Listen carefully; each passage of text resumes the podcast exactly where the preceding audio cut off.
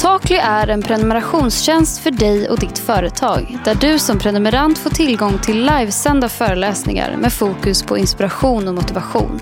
I Takly Eftersnacket passar vi på att lära känna våra föreläsare lite mer på djupet. Du hittar alltid det senaste avsnittet där du hittar poddar.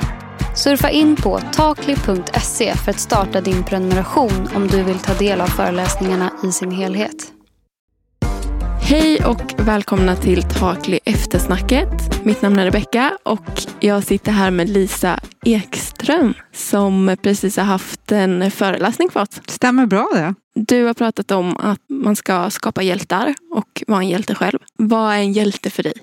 Och jag gillar ju liksom att se, jag gillar ju när det är enkelt och när det är konkret. Så jag tänker att hjälte kan man vara om man plockar upp någons vante som den har tappat eller liksom det är de här små sakerna, det behöver inte vara så himla stort utan ganska små saker i vardagen eh, sätter jag nog epitetet hjälte på. För då blir det ju många fler hjältar och det gör mig glad. Så att jag tänker små, små saker. behöver inte vara så stort. Nej, vad gör du själv för att vara en hjälte? Ja, men eh, nu drog jag exempel med vanten. Jag promenerade faktiskt igår från min bror och min svägerska som bor i Sundbyberg hem till mig på Södermalm. Och på två ställen så låg det en handske. Så olika handskar då såklart. Men på två ställen så låg det en handske på trottoaren. Och då är jag en person som böjer mig ner och plockar upp den där handsken och hänger upp den. För jag tänker att om den ligger där, ja men det kanske är någon som går på den eller cyklar över den. Sådär. Och då kan jag känna lite att när jag gör det, då blir jag lite hjälte för den som kanske hittar den där borttappade handsken. Så att jag tänker att det är de här små, små sakerna jag gjorde faktiskt en grej också som fick väldigt så mycket uppmärksamhet förra våren. Och jag bor ju på Södermalm och vi har ganska nitiska parkeringsvakter eh, i mitt område. Och då var det en parkeringsvakt som stod och skrev en p-bot på en bil. Och eh, då började jag prata med den här p-vakten och så sa jag så här, men jag kan betala. Jag betalar, jag tror att jag betalade kanske du vet, en kvart på den här bilen så att den slapp en p-bot. Och så letade jag upp vem ägaren till bilen var. Och då var det ett företag som ägde den här bilen så ringde jag upp dem och först förstod de ju ingenting. Och så sa jag att vet du, det går lappliser och nu har jag betalt en kvart men efter den kvarten så behöver ni betala annars så kommer ni åka dit på en p-bot. Och den här killen som svarade han förstod inte riktigt men sen efter ett tag så bara just det, det är, jag kommer inte ihåg, men Pelle som har den bilen idag. Så kontaktade de Pelle och Pelle gick ner och betalade och sen fick jag ett jättegulligt sms från honom så här tack snälla, eh, jag betalar gärna gärna det som du la ut. Och jag bara, nej, nej, gud, det behövs verkligen inte. Köp en tulpan till en pensionär istället. Alltså, pass it forward lite mm. så här. Ja, men det kan jag tycka är lite så här hjälte agerande. Kostar mig typ 11 kronor, det var ju inte jättedyrt. Men det ger mig också ganska mycket liv i min livsindikator att göra sådana där saker. Ja, verkligen. Och sen så är det igen så här, det är precis som jag pratade om, så här, att om jag är stjärna eller om jag är diva, hårfint. Mm. Är jag hjälte eller är jag inte hjälte? Ja, det är egentligen andra som ska avgöra. Men jag tänker alltid snällt. Jag tänker att jag vill ju vara hjälte. Så jag tänker att det är de här små, små sakerna. För då kan det bli många, många fler. Vad gör du för att skapa hjältar? Då? Ja, men jag är ganska duktig. Det är också mitt jobb att lyfta andra människor. Så att jag talar nog om för folk när jag upplever att de gör någonting som jag uppskattar. Jag tror att generellt sett så är vi ganska duktiga på att klaga. Så här, om något är dåligt så, så säger vi till. Men när vi är nöjda med någonting då tenderar vi att oftare bara tänka tanken. Men när jag är nöjd med någonting eller om jag går på restaurang och tycker att det var jättebra mat eller jättebra service, då säger jag det om jag åker taxi och kliver ur så, så kan jag säga så här, gud vad bra du kör. Om jag tycker det. Jag hittar ju inte på om jag inte tycker det. Men det kanske är sådana saker som vi tar för givet att en taxichaufför ska köra bra. Men jag lyfter nog upp det. Och då blir ju en taxichaufför jätteglad när man säger så. Jag är nog duktig på att säga saker och inte bara tänka dem. Mm. Så egentligen behöver det inte vara några stora grejer. Det är så vardagsgrejer. Ja, alltså vardagsgrejer då blir det ju många, många fler. Ibland mm. så tänker jag att om vi tror att det måste vara de här jättestora grejerna, då blir det ju aldrig. Tänk att om det är många, många, många små så blir det mycket, mycket mer. Ja, för jag tänker att folk, just ordet hjälte eller stjärna som du också pratar om, kan vara ganska som någonting stort. Att man ska vara hjälten på företaget eller stjärnan på företaget. Mm. Men då egentligen om man implementerar de här små grejerna så behöver det kanske inte vara något. Nej, jag tänker så här att om jag är riktigt kaffesugen och kommer till fikarummet och du har satt på kaffe. Då är ju du en stjärna för mig. En du är ju min hjälte då, för då får jag ju kaffe direkt när jag vill ha det. Ja. Så att, nej, många, många sådana små saker. Sen betyder ju det inte att man kanske inte blir hjälte när man lyckas sälja in en jättestor deal. Det är ju också att vara hjälte. Men det blir så få tillfällen om man inte väljer att se de där små. Mm. Jag gillar, många, många små blir stora till slut. Du hade ju jättemycket olika verktyg och eh, tips som du pratar om vad du gör i din vardag. Och bland annat så pratar du om att du alltid betygsätter din dag innan dagen har varit. Funkar det alltid om du säger att idag ska jag vara en tia? Blir det alltid så då? Nej, men säg inte det till någon. Nej, nej, det är klart, jag är ju faktiskt också mänsklig. Liksom. Mm. Men jag kan påminna mig själv om att nej, attans idag, det här är inte liksom tio beteenden du håller på med nu. Alltså, det är klart att jag har dåliga dagar, men jag försöker ju då att när jag har dåliga dagar så vill jag inte smitta andra människor med det. Det känns eh, som att det vill inte jag. Utan jag förstår att min attityd och min inställning den smittar andra människor omkring mig. Och då vill jag inte smitta med en dålig attityd. Eller en sjua liksom. Det är ganska Mm. beige, jag vill inte det. Så att ibland så låtsas jag ju att jag är en tia, fast jag inte är det. Och lite som jag sa också, för mig så räcker det ofta med att låtsas det en liten stund så blir jag en tia. Då Mm. glömmer jag bort att jag var den där sjuan. Men sen är det inte heller så att man kan gå omkring och låtsas dag ut och dag in eller vecka ut och vecka in kanske flera år. Det, det tar för mycket energi. Så att man ska låtsas en liten stund så att man liksom kommer på rätt köl. Eller så gör jag. Mm. Men nej, gud nej. Om jag skulle vilja implementera det här i min vardag, vad är dina tips? Ska man liksom påminna sig själv då hela tiden under dagen? Som du pratade också om att det är lite typiskt svenskt att man lägger sig någonstans, inte högst upp på skalan utan och inte längst ner. Vad är ditt tips om man vill börja använda sig av det här? Det finns ju heller liksom ingen så här mått. Du vet en deciliter är ju en deciliter. Så det finns ju till och med ett mått. Men en tia finns ju inget sånt mått. Nej. Så det kan ju till och med vara så att jag tycker att jag är en sjua. Fast eh, om jag skulle mäta det i någon annans mått så är det kanske till och med mer än en tia. Så att någonstans så skulle jag börja med så här, vad är en tia idag? Och då kanske jag har tandvärk eller det, det, det kan ju finnas ytt, Jag kan ju vara en tia fast jag har tandvärk men det kanske inte är lika bra som om jag inte har tandvärk. Är du med? Så vad är mitt bästa idag? Och vad är det jag vill smitta andra människor med? Det, jag tänker oerhört mycket på det. Jag har liksom ett ansvar som medarbetare, kollega att hela tiden se till att smitta andra. Men jag skulle börja med att bestämma mig för vad, vad behöver ske? Vad behöver jag konkret göra för att jag ska vara en tia idag? Och då kanske det är att jag ska säga hej till alla mina kollegor. Kan man tycka är så här jättenormalt? Ja, fast det kanske är det som räcker faktiskt för att vara en tia.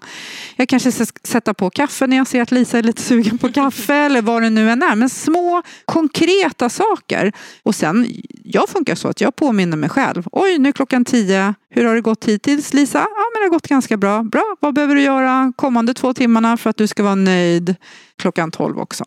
Mm. Så jag påminner mig själv eh, hela tiden. Mm. Men jag lyckas inte alltid. Nej. Men väldigt ofta ska jag säga att jag lyckas. Tror du att det handlar lite om att man också behöver sänka kanske kraven? Jag vill vara en tia idag, bara vad är en tia för mig? Det kanske inte är att jag ska sätta det här säljet eller jag ska lyckas med det här och jag ska städa hela lägenheten. Och det kan vara sådana grejer också. Ja, men jag tänker att det är också viktigt att lyckas. Så att eh, man kan ju inte alltid ha så här att jag ska städa hela lägenheten och sätta det här säljet och så lyckas jag sätta halva säljet och städa halva lägenheten och så är jag missnöjd. Mm. Så det är klart att man ska sätta så relevanta mål som också är möjliga att uppnå. Men jag skulle säga att jag är en person idag men har också varit i hela mitt liv som har väldigt, väldigt höga krav på mig själv. Men jag har kanske aldrig, eller i alla fall väldigt sällan, har ha- haft prestationsångest. Mm. Men däremot prestationsbegär. Och jag gillar det ordet. Liksom jag har, du vet, när jag jobbade som säljare, då vann typ alla säljtävlingar. Men firade inte det så länge. Utan det var liksom, vann jag en säljtävling så bara, men det var igår, idag är en ny dag. Mm. Så att, men det var inte förknippat med ångest men med ett begär. Jag var aldrig riktigt nöjd och jag är fortfarande ganska mycket sån som individ. Jag vill framåt, jag vill mer, jag har liksom det där begäret på att prestera. Det jag har blivit duktigare på, det är att fira. Att ha det där fönstret liksom där jag firar framgången öppet lite längre. Mm. Så det kanske kan vara så här, men inte ångest ska man inte ha. Nej. Men eh, prestationsbegär. Och många av dem som jag har hjälpt och varit mentor för så har jag gett dem det där uttrycket. Och ofta så kanske prestationsångest är någonting som vi säger utan att så medvetet fundera på vad betyder det för mig och vad är det verkligen? Och då så så här, kanske man bara byter ord på det. Att det inte är prestationsångest utan att man istället ser att det är prestationsbegär. Mm. Ganska mysigt ord då, eller Ja, hur? verkligen. Jag gillar det. det Du får kamoja det. Jag ska kamoja det. Ja. Ja, på tal om kamoja. Det är ett ord som verkligen fastnade hos mig.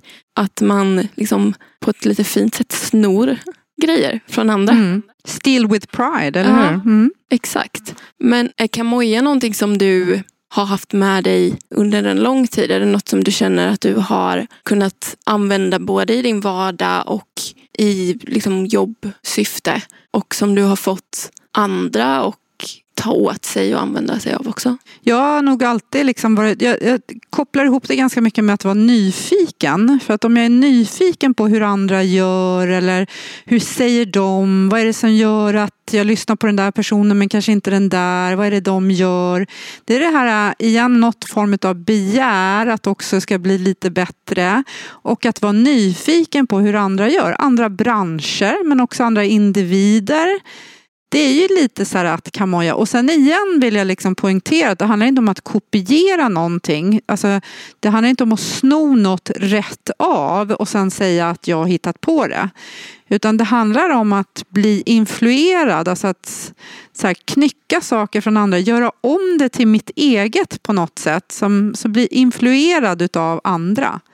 Och jag gillar ju liksom att tänka så när jag, när jag tänker det går absolut inte i den här branschen, köttbranschen till exempel, det går absolut inte. Fast om det måste gå, hur skulle jag göra då? Om jag måste kamoja någonting, vad skulle jag då kamoja just här? Så kanske det bara är någon liten, liten grej sådär men eh, jag tycker så här som föreläsare så jag tittar ju väldigt mycket på andra föreläsare och ser vad går hem hos publiken, vad går inte hem hos publiken, vad av det som inte går hem gör jag också. Jag brukar ju skojsamt säga att jag har två hjärnor, en som hela tiden håller på och analyserar som jag inte har hittat off-knappen på ännu. Ehm, Men jag vet att jag lär mig mycket utav andra människor och jättemycket av mina barn. Här. Ja. Och andra barn också. Liksom. Så kloka. Ja, men verkligen. De också säger ju saker som vi eh, vuxna, om jag ska kalla mig själv vuxen, kanske inte alltid tänker på. Men jag tänkte på det här med Kamoja, att det är en... För någonstans så känns det som att vi människor gärna kollar på vad andra gör och jämför oss själva, eh, både som liksom företag och privatpersoner. Att man kollar på hur det går för andra och att man kanske har svårt och så här, gud den här grejen som den här personen gör eller som det här företaget gör är verkligen bra. Utan att man mer är lite så här, mm, förstår du hur jag tänker? Är det, När man ska kamoja av andra. För jag tänker Ja. lite så här att jag, är, jag kamojar gärna av andra. Men jag delar ju också väldigt generöst med mig av det jag har hittat på eller kommit på eller när jag får en bra idé. Så jag vill ju också att andra ska kamoja av mig. mm, Så, och då blir, men jag vet inte det här med att man eh, titta, att man jämför sig med andra så, så tror jag att vi människor fungerar. Och ja, om jag har bra dagar då kanske jag vill jämföra mig med någon som är lite bättre och tänka så här, åh nu, kan jag liksom, nu har jag ett begär att prestera. När jag har sämre dagar då kanske det blir jobbigt för mig och då kan ju jag faktiskt välja att jämföra mig med någon som är mycket sämre än vad jag är. Då blir jag ju lite bättre. Förstår du jag menar? Så att, ja. det handlar ju om mitt eget perspektiv hela tiden. Så här, vem jämför jag mig med? Mm. Eh, och, och där i någonstans hitta mitt eget. Men jag tror, jag vet, så funkar jag i alla fall. Jag jämför mig med andra. Mm. Men jag vill ju inte att det ska ka- skapa prestationsångest. Utan jag vill, att, ja, jag vill att det ska skapa begär. Och då måste jag ha koll på hur ska, jag då, hur ska jag då medvetet agera och göra för att jag inte ska få prestationsångest utan begär. Jag kan tänka att det är en ganska fin gräns däremellan att man gärna jämför sig. Säg att jag har en dålig dag. Att jag gärna jämför mig kanske med någon som är bättre då.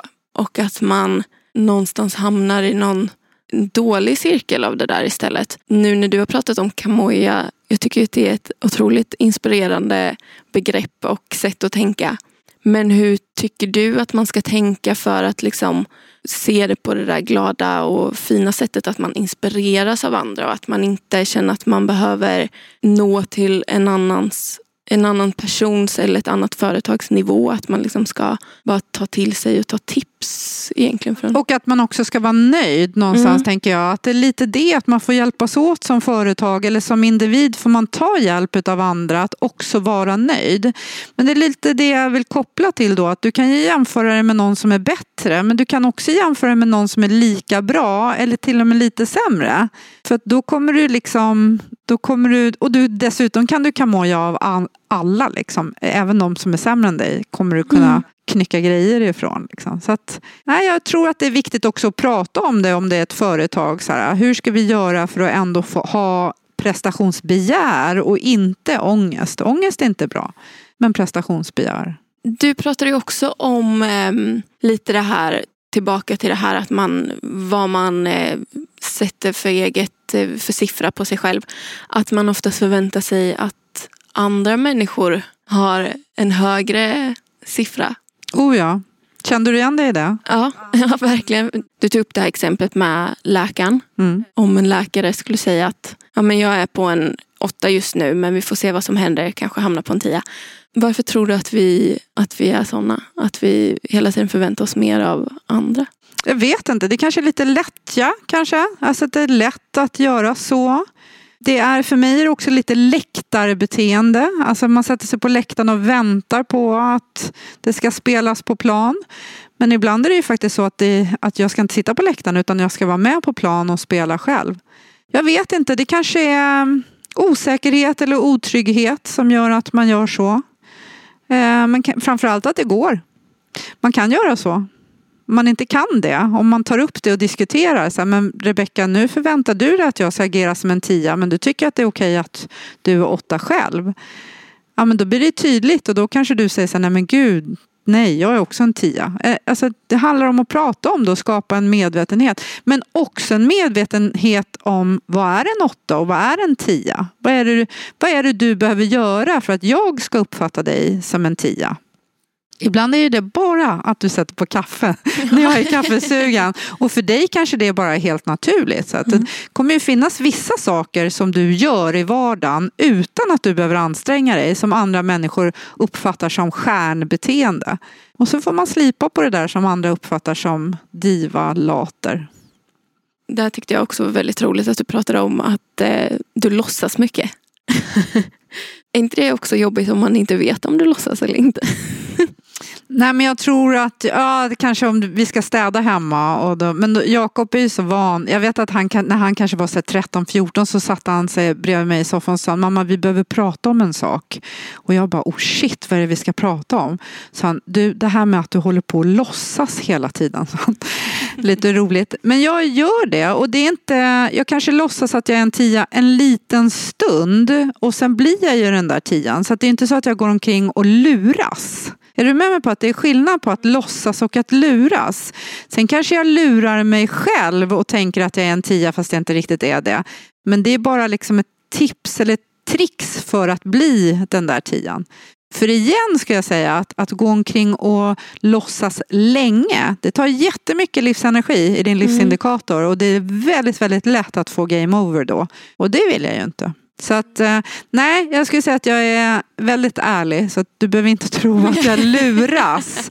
Men att låtsas blir liksom ett eh, trix för mig att, att jacka upp mig den där sista biten. Liksom. Ja. Är du med mig på att det är skillnad på låtsas och luras? ja, men verkligen. För du, du pratade ju också om det här em, att du på din arbetsplats låts, låtsades att folk var nya på jobbet eller att man eh, skulle sluta och sådär. Vad har du upplevt att, att, att det ger? När man, just när man eh, slutar då blir man ju avtackad. Så att det som händer när man låtsas att man slutar fast man inte gör det. Det är att man får ju massa tacktal, man får höra hur uppskattad man är. Det är ju väldigt mycket liv i din livsindikator. Och sen är det ju också lite busigt att göra sådana där saker. Det blir lite så här utanför boxen. För några väldigt mycket utanför boxen. Några tycker att det till och med är lite fånigt. Men det skapar mycket energi. Och det skapar också en kultur i den grupp som man jobbar i. Att vi är lite crazy här. eh, och, och det är igen energi som gör att man sen såklart kan hjälpa kunderna. Eller liksom göra det jobb som man är satt för att göra. Och att börja ny. Det, för oss så handlar det ju det jätte, jättemycket om att våga ställa de här dumma frågorna. Och jag vet att jag har många kunder idag som låtsas att någon är ny på varje möte. Så, och då, då blir det liksom så här, okej okay, idag är det Lisas tur att låtsas vara ny. Och då kan jag sitta där och nästan vara lite jobbig och säga så här, ah, men då undrar jag det här, då undrar jag det här. Och så märker man ganska ofta att alla kan inte svaret. Och jag ska säga att oavsett om jag jobbar i en liten grupp eller en stor grupp så är det mitt ansvar att se till att människor är trygga. För att när vi är trygga, du vet vi skrattar mer, vi har roligare, vi presterar bättre. Så det handlar om att jag ska veta, inte gå omkring och liksom försöka dölja att jag inte kan någonting som jag tror att jag borde kunna, som det nog bara är jag som inte fattar. Det visar sig ganska fort att det finns fler som inte förstår. Och jag vill alltid att folk ska förstå så att man är trygg. Så att man kan ägna den energi man har åt kunden. Mm. Ja, men för det är ju en grej att vara ny på jobbet. Det är ju en jobbig känsla. Mm. Ja, gud. Det är typ min värsta känsla faktiskt. Ja. För att jag, vill, jag är en sån som vill prestera. Mm. Och det är jättesvårt att prestera när man är ny. För då, Mm. så, så, men, man kan, men i den här rollen när man låtsas, då kan man ställa de där dumma frågorna. Det är egentligen mest det som man är ute efter. Liksom. Mm. Att, och då kan det vara på nästa möte som ni har, så kan man säga så här, om någon vore ny här, vad skulle den personen fråga då? För då kommer det ofta upp frågor och, och då är det också viktigt igen så här, om jag skulle hjälpa en grupp och säga så, om någon var ny här, vad skulle den personen ställa för frågor? Så kommer det upp frågor, du kanske säger att ja, men jag tror att den personen skulle fråga det här. Om jag då direkt säger så här, och vad Rebecka skulle du svara då? Då bygger jag inte trygghet. Nej. Utan då behöver jag ta med hela gruppen. Så, här, så vad skulle vi som grupp svara om någon? För att om jag gör så, när du har ställt den eller lyft upp någonting, då kommer en annan person också vara trygg nog att lyfta upp en fråga. Är du med? För att man känner inte så här, om jag lyfter upp någonting här nu, då kommer Lisa trycka till mig och säga, och vad svarar du då? Nej. Utan vi hjälps åt att svara. Så tillsammans bygger vi den där tryggheten. Jag tycker det är en häftig grej. Vad, känner, vad har du märkt när du har implementerat en sån här grej att det har gett? Jag ska säga så här, folk vet, folk kan mer än vad de tror. Och folk kan mindre än vad de tror. Diplomatiskt svar va? Nej, men det finns vissa människor som man, man tror att man borde kunna någonting. Fast det kanske man inte borde kunna. Eh, eller så borde man kunna det men man vågar- inte fråga. Så det handlar om jätte- jättemycket att bygga den här tryggheten. Om vi ska kunna leverera ett bra resultat så behöver alla vara trygga. Och då behöver det finnas något forum där man kan ställa de här frågorna. Det kan det till exempel vara på ett möte där någon säger om någon vore ny här nu, vad tror vi att den personen skulle fråga då? Och också så här om man får en ny kollega. När jag jobbade på SAS var det ju anställningsstopp i stort sett alla 20 år jag var där. Men om man får en ny kollega så verkligen måna om, liksom, be den kollegan att skriva ner frågor och sådär eh, i början. Skriv ner det och titta på det efteråt. För att det, det kommer mycket smart i början som man sen lite får skygglappar för. Ganska fort går det också så anpassar man sig till den grupp man är i. Men att få de där äh, dumma frågorna som inte alls är dumma i början eh, är jätte, jätteviktigt. Ja men det tror jag också. Tror du att det mm, För du pratade ju mycket om det här med komfortzonen, att man skulle ut ur det. Tror du att det här är liksom en bra grej för att komma ut ur sin komfortzon som ja, men både som individ och företag egentligen känns det väl som. Att låtsas tänker du? Mm. Ja, jag tror att eh, kan det vara. Det finns ju många olika företag och många olika sätt att göra det på. Jag ska också säga så här att jag har jobbat med företag som inte har några problem alls att låtsas. Eller grupper på företag som bara tycker att det är jättekul och wow, wow, nu kör vi liksom, vi låtsas vad roligt. Men jag har ju också jobbat med grupper där man tycker så här, gud vad fånigt. Mm. Jag har fullt upp, liksom. kan inte hålla på och leka eller springa omkring med en fjäderpenna. Eller. Så att man behöver, jag tänker så här, man behöver respektera de som inte vill. Men man behöver också respektera de som vill. Och ibland så kan jag se att man respekterar mer de som inte vill. Att det är de som någonstans får styra. Så, så att, så här, busiga saker, hitta på busiga saker. Sen kan man välja som medarbetare om man vill vara med på det buset eller inte. Men inte ens med kroppsspråk får jag avslöja för dig att jag tycker att, att du är med på det där tycker jag är lite fånigt. Är du med liksom? Så att man respekterar varandra oavsett om man vill vara med eller inte. Mm. Och jag tänker ofta att det handlar om otrygghet. När man inte vill busa eller ha kul så handlar det ofta om otrygghet. Men det gör det ju inte alltid. För mig som individ kanske det gör det. Men mitt sätt är ju bara facit för mig. Mm. Så andra har ju andra sätt att tänka och eh, det är okej. Okay. på en arbetsplats behöver man följa rutiner och arbetsuppgifter. Och man kan inte plocka russinen i kakan och bara göra de projekt eller de arbetsuppgifter man tycker är roligt och välja bort de andra utan man behöver göra allt som står i ens rollbeskrivning eller arbetsbeskrivning för det är det man får lön för. Men det här extra buset att låtsas att man är ny eller att ha en fjäderpenna eller vad det nu än är, det kan man välja. Mm. Det är inte det du får lön för. Det kan du välja. Har du någon gång upplevt att det är någon sån där, någon liten sur person som, inte, som liksom motsätter sig allting att, och inte vill vara med om förändring. Hur, hur hanterar man en sån grej? Oh ja, eh, det har jag. Men jag väljer ju någonstans att inte se att det är någon sur person. Utan jag tänker att det är en osäker person. Alltså lite så, och, och så är ju, det finns ju många människor som är osäkra inför en förändring. Vad, hur kommer det påverka företaget? Hur kommer det påverka min avdelning? Kommer det att påverka mig som individ? Och det behöver jag som ledare framförallt ha respekt för. Så jag kan ha respekt för att man är osäker och därigenom eh, vill liksom försöka bromsa en förändring. Sen finns det ju många, jag har hört många föreläsare som pratar om 80-20-regeln, så att man, det är 80 procent vill och 20 procent får man strunta i. Och det har aldrig jag gjort, måste jag säga. Utan jag tänker att för mig som ledare så handlar det om att lyfta lägsta nivån oavsett hur hög eller låg lägsta nivån är. Det gäller att få med alla. Och jag tänker att de som är med på banan och bara, ja nu kör vi Lisa, de är ganska lätta. Jag gillar ju när det är svårt, det är då det är kul. Mm. Så jag tänker just de här, om vi ska kalla dem för sura eller osäkra. Vad är det jag kan göra för att få den individen att också haka på? Och då kan ju det vara motivation. Eh, ibland så är det ju hålla i handen om det är något som är läskigt, stötta sådär. Men ibland handlar det också om att ta i örat. Vi är vuxna människor och vi får lön för det vi gör. Igen, jag kan inte välja att bara göra vissa grejer utan jag måste göra allt, även det som är tråkigt. Lätt det så här jätteelakt. Jag, jag brukar berätta om, jag flyttade för fyra år sedan, skulle jag renovera köket och då sa jag det till en grupp så här, tänker tanken att snickaren kommer hem, eh, vi pratar kök, jag går till jobbet, Tänker tanken att jag kommer hem på kvällen så här, och då säger snickaren, vet du Lisa, kök tycker inte jag är jättekul. Så att jag har varit lite mer i vardagsrummet. Då skulle inte jag som uppdragsgivare vara jättesugen på att betala den fakturan. Det var ju inte det jag köpte. Jag köpte kök. Eh, om snickaren säger så här, äh, jag tycker inte att det är så kul att skruva så jag kommer spika upp alla skåp. Heller inte okej. Okay. Men om snickaren säger jag sätter upp överskåpen innan underskåpen, det är okej. Okay.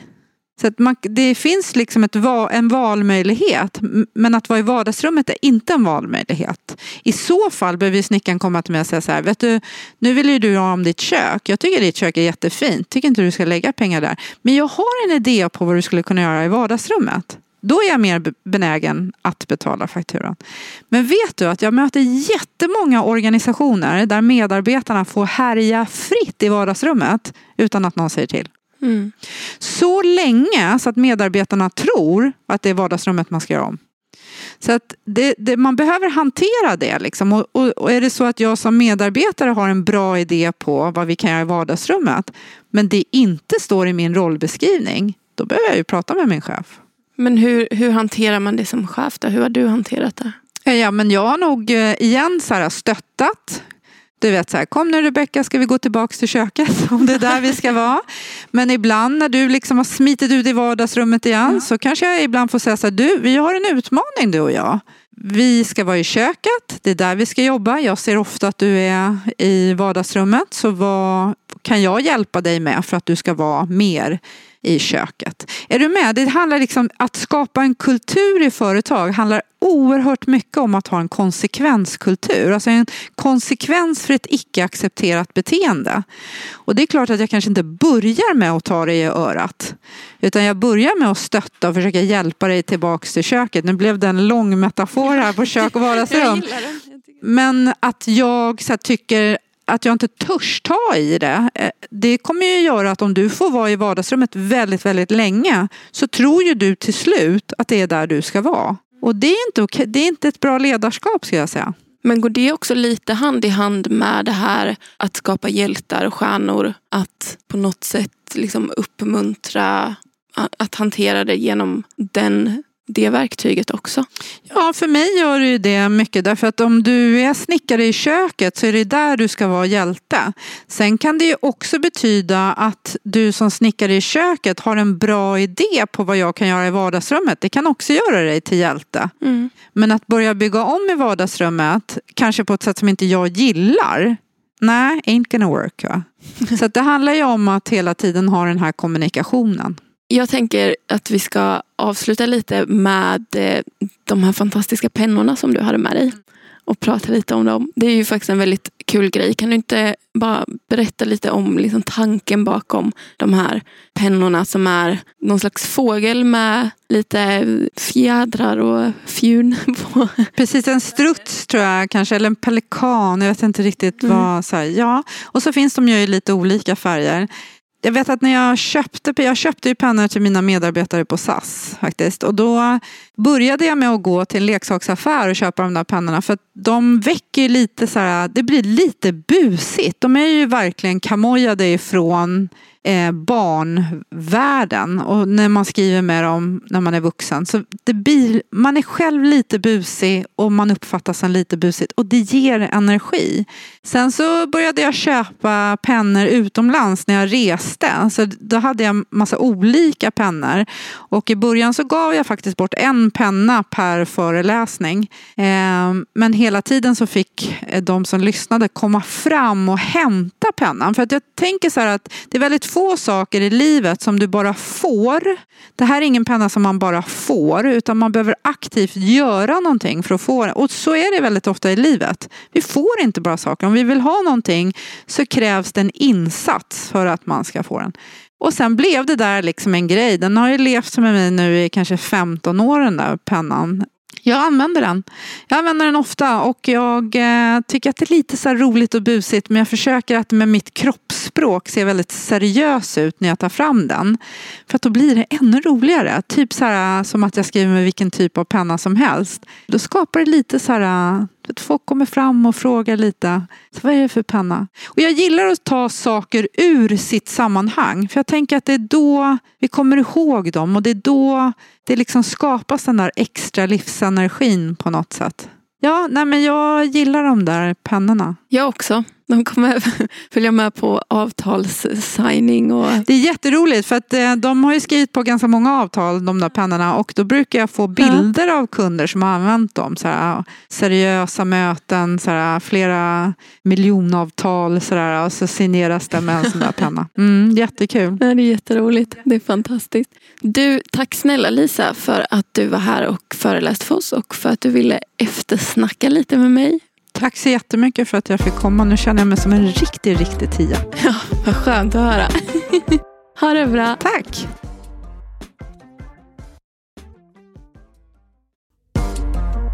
Du har lyssnat på Takli Eftersnacket som är en del av prenumerationstjänsten Takli som erbjuder inspirerande föreläsningar varje vecka.